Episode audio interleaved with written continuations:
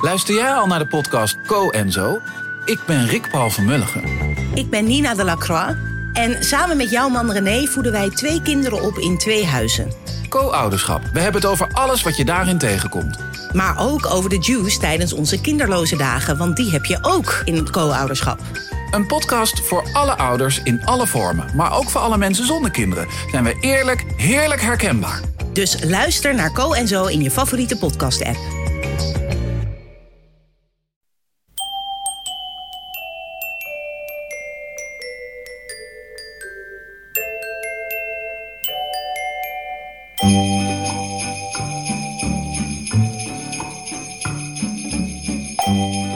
Welkom bij aflevering 438 van Echt Gebeurd, de podcast waarin mensen hun eigen waargebeurde verhalen vertellen.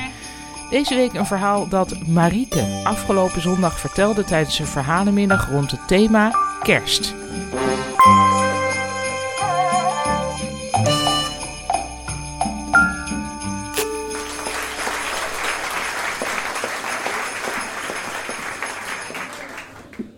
Ben opgegroeid met een kerst zonder stress. Mijn moeder deed altijd eh, wel heel erg de best voor een eh, lekker kerstontbijt, maar daar hoefden we dan niet de wekker voor te zetten. En we trokken wat leuks aan. We zaten een beetje voor de kachel met een boek of een spelletje of een film. En dan s'avonds, als we eraan toe waren, deden we het gourmetstel aan en eh, dat was dat. En op de middelbare school kreeg ik mijn eerste vriendje. En hij vierde eigenlijk kerst altijd bij ons, omdat allebei zijn ouders overleden waren. Dus zes jaar later, toen het uitging en ik inmiddels uh, studeerde in Utrecht, toen um, kwam het dat ik nog nooit kerst bij iemand anders had gevierd. Toen het uit was, voelde ik me eigenlijk best wel een beetje eenzaam. En ik ging heel veel daten. En uh, ik werd ook heel snel verliefd op de jongens. En uh, ik had altijd heel snel zin om hun families te leren kennen. Eigenlijk het tegenovergestelde van, van bindingsangst. Dus ik leerde een jongen kennen en dan komt al vrij snel die vraag van... gaan we nu al kerst bij elkaar vieren? Maar ik vond dat eigenlijk wel leuk om te delen met hem hoe kerst dan bij ons was. En uh, ik was heel benieuwd naar kerst bij hem. Dus dat gingen we doen.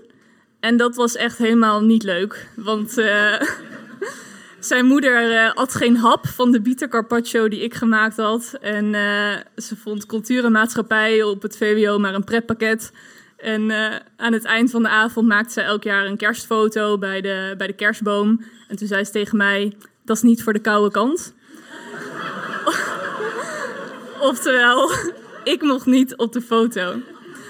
Nou, er kwam geen uh, tweede keer bij deze familie, want toen was het al lang weer uit. En uh, ik ging weer een beetje daten. En toen uiteindelijk uh, via Tinder ontmoette ik Daniel. En Daniel is een student in Delft. En hij zat bij de roeivereniging. En hij had donkere ogen en donkere krullen. En hij had altijd plannen voor een date of om iets in het weekend te doen. En dat vond ik heel erg aantrekkelijk. En ik ging natuurlijk ook al snel kennis maken bij zijn familie. En zijn moeder was hertrouwd met haar jeugdliefde. En die man was een oud-militair. En hij had nu een, uh, een logistiek bedrijf wat heel goed liep. Zij woonde op een prachtige verbouwde woonboerderij op de Utrechtse Heuvelrug.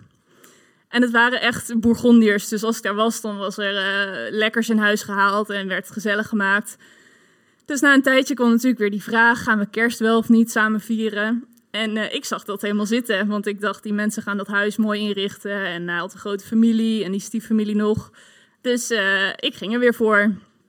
En toen moest ik mijn e-mailadres doorgeven. Nou, dat had ik gedaan.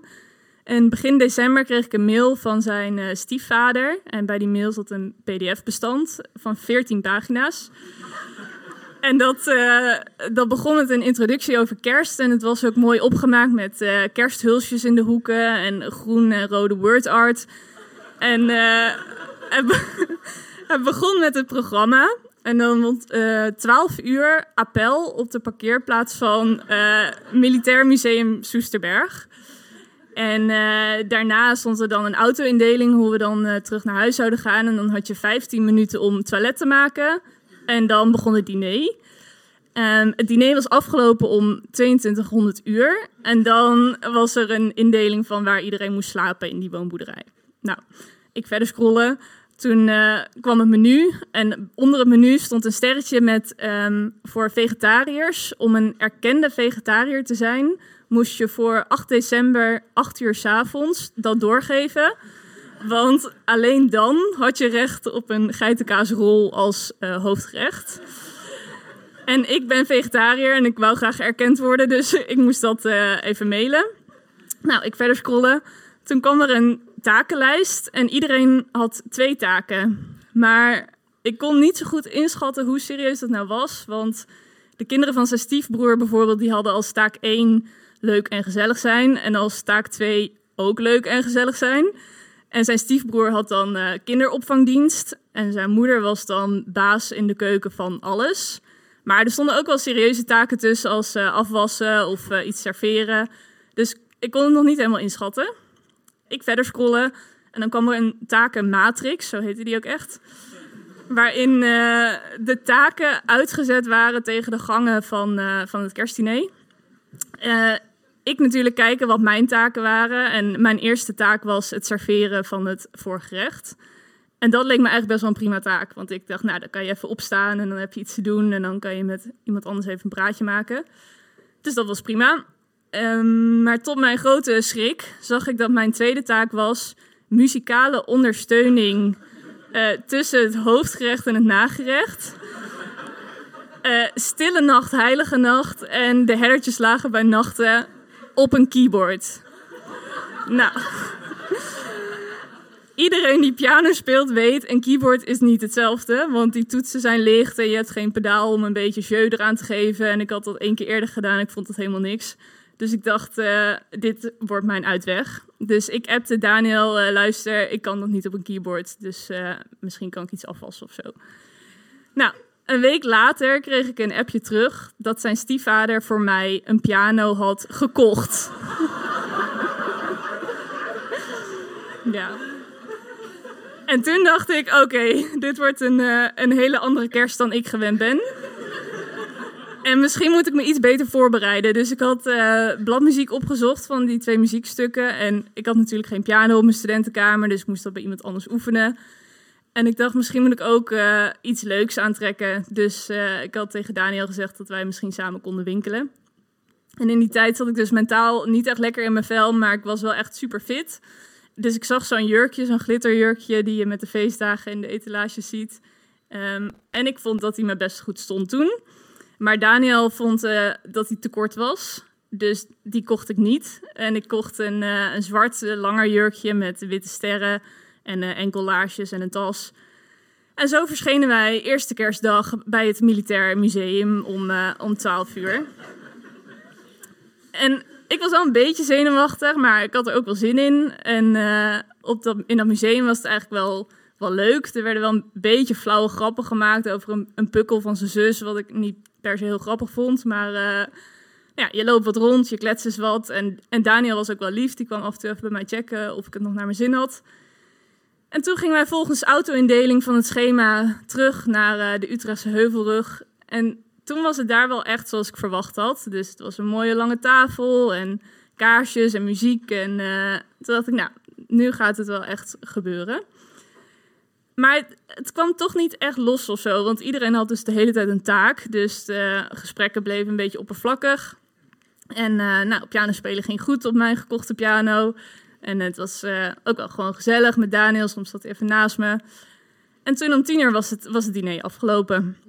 En um, toen gingen we nog even in de woonkamer zitten met zijn zus en zijn broer. En zijn zus was vrijgezel. En zij ging tinderen. Dus ik ging samen met haar uh, swipen op Tinder. En toen kwam er een jongen voorbij met wie ik toevallig uh, eerder dat jaar een tijdje had gedate. En ik vond dat super toevallig, want met Tinder zet je zo'n afstandsrange, stel je in en dat hij toevallig net voorbij kwam. Dus ik flapte er gewoon uit. Hey, dat is een jongen met wie ik in het voorjaar nog in bed gelegen heb. En dat was niet goed voor de sfeer, maar... Maar dat had ik eigenlijk nog niet echt door. Dus tussen mij en Daniel, ik voelde wel dat er iets was, maar wat het nou was, wist ik eigenlijk ook niet zo goed.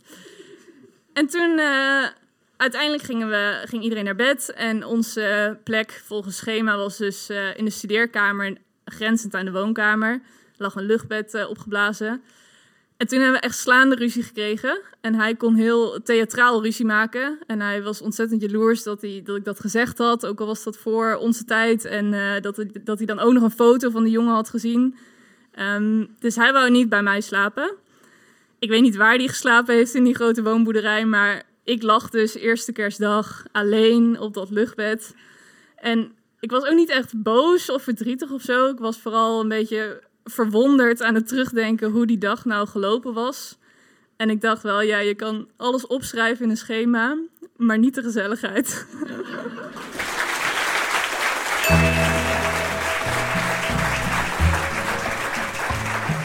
Je hoorde een verhaal van Marieke die het genoeg vindt als we in de podcast alleen haar voornaam noemen.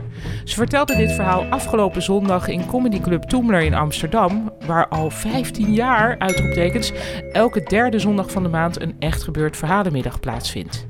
Luister jij met plezier naar deze podcast, die uit die verhalenmiddagen voortkomt, dan willen we je wat vragen. Kijk, in onze beginjaren was Echt Gebeurd een van de weinige Nederlandse podcasts. Maar nu is het podcastaanbod enorm en we vragen ons soms af hoe kunnen we ons nog een weg naar binnen wringen in de oren van potentiële luisteraars? Wel nu, door mond-tot-mond reclame. Niet mond-op-mond reclame, mond-tot-mond reclame bijvoorbeeld.